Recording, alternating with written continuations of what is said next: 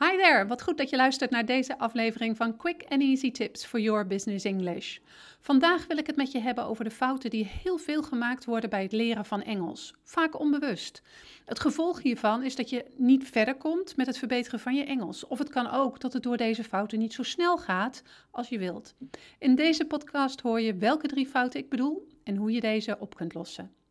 Mijn naam is Anneke Drijver van Improve Your Business English en de auteur van het boek Master Your Business English: Communicate with Power in 7 Simple Steps. Ik help ondernemers en doelgerichte professionals van hun middelbare school Engels af, zodat ze ook internationaal met impact en vol zelfvertrouwen in het Engels kunnen communiceren.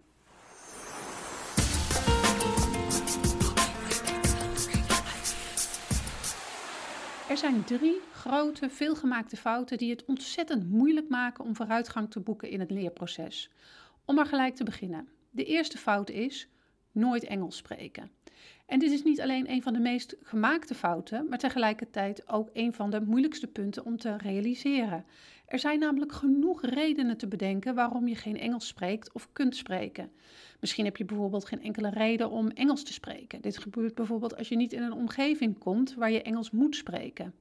En waarom zou je Engels spreken als er geen reden toe is? Een andere reden kan zijn dat je het eng vindt om Engels te spreken en daarom voor de makkelijke weg kiest.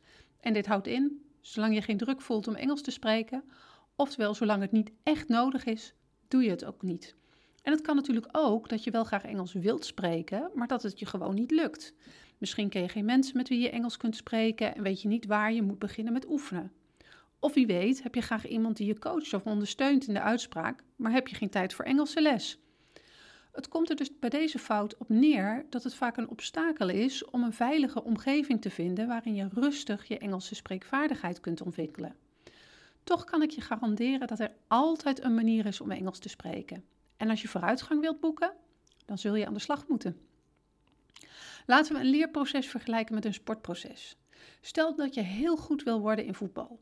Daarvoor zul je verschillende vaardigheden moeten trainen. Je zult bijvoorbeeld aan je conditie moeten werken, maar ook aan je balgevoel en je behendigheid. En stel dat je nu non-stop aan je balgevoel en je behendigheid werkt, maar je conditie helemaal links laat liggen, omdat je geen zin hebt om dat beetje extra moeite te doen. Dan zul je in een wedstrijd na 10 minuten geen puff over meer hebben en heb je niks meer aan die skills in balgevoel en behendigheid. Het werkt eigenlijk precies zo met Engels. Je kunt ontzettend veel woordjes oefenen en de Engelse grammatica-regels uit je hoofd leren. Maar als je nooit Engels spreekt, dan blijf je ergens halverwege dat leerproces hangen. En als het dan tijd is voor de wedstrijd, bijvoorbeeld een Engelse presentatie, dan heb je niks aan die woordjes en die grammatica-regels die je hebt geleerd, omdat je ze niet goed kunt overbrengen. Dan volgt automatisch de volgende vraag: wat zijn dan die manieren om toch Engels te spreken? Een paar tips. Nummer 1. Spreek gewoon Engels tegen jezelf. Ga voor de spiegel staan en praat. Dit kan een Engelse speech zijn die je moet houden of graag ooit op een dag zou willen houden. Of je kunt gewoon aan jezelf vertellen hoe je dag was. En het klinkt misschien een beetje raar om tegen je eigen spiegelbeeld aan te staan kletsen, maar het werkt echt. Op deze manier raak je er namelijk aan gewend om jezelf in het Engels te horen spreken. Dan is het een veel minder een grotere stap om ineens over te schakelen op Engels als je in een groep bent. 2. Ben je onzeker in het spreken van Engels of vind je het eng? Begin dan gewoon met het spreken van Engels met iemand bij wie je je op je gemak voelt. Bel een goede vriend of vriendin op. Vraag je broer of zus, partner of collega. Vraag ze of ze een half uurtje met je in het Engels willen kletsen. Hartstikke makkelijk en dat levert vaak hilarische gesprekken op, dus zo erg is het allemaal niet. 3. En tot slot de droomsituatie. Misschien heb je vrienden, collega's of kennissen die ook hun Engels willen of moeten verbeteren. Vraag gewoon eens rond. En als je geluk hebt, kun je het samen doen. Kom af en toe bij elkaar en spreek af om dan alleen maar in het Engels te communiceren. Een win-win situatie, want zo zijn jullie allebei blij. Tijd om verder te gaan naar de tweede veelgemaakte fout. Te weinig tijd. Wat regelmatig gebeurt is dat mensen hun Engels echt willen verbeteren, maar daar simpelweg niet genoeg tijd voor vrijmaken. Heel logisch, want Engels leren schiet er al snel bij in tussen alle verplichtingen door. Toch zul je, als je je Engelse vaardigheden wilt verbeteren, echt moeten investeren in de taal. Denk je dat je je ook schuldig maakt aan deze fout? Dan zijn dit de mogelijke oplossingen. Onze audiotraining Improve Your Vocabulary is ideaal als je druk bezet bent. De training biedt je namelijk downloadbare MP3-bestanden die je overal kunt beluisteren. Onderweg, tijdens je zondagmiddagwandeling of tijdens het sporten. Zo hoef je er geen extra tijd voor uit te trekken en ben je toch actief bezig met je Engels. Je vindt de training op onze website via de link in de beschrijving van deze podcast. En denk er eens aan hoeveel dagelijkse dingen je in het Engels kunt doen. Bijvoorbeeld boodschappenlijstjes, to-do-lijstjes, ideeën opschrijven, naar de radio luisteren onderweg.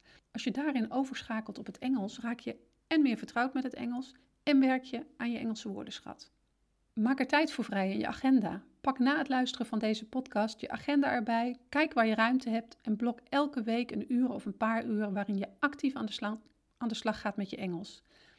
Wees hierbij wel een beetje streng voor jezelf en spreek af om je echt aan deze tijden te houden.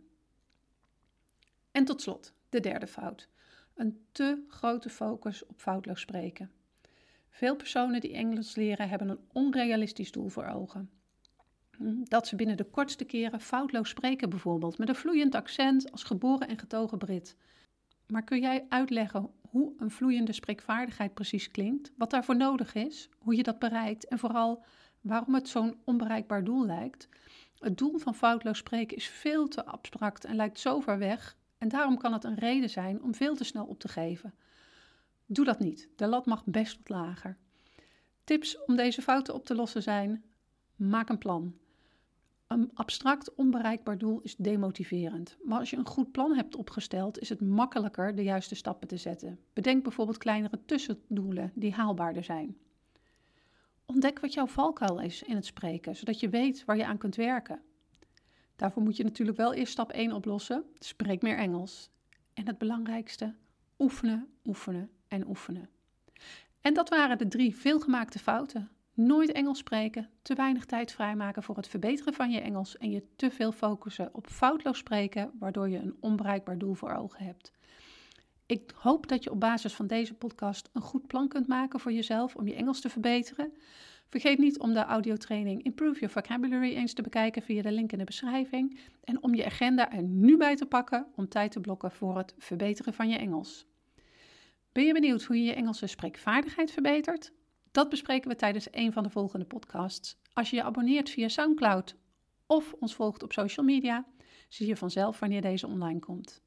See you next time with quick and easy tips for your business English.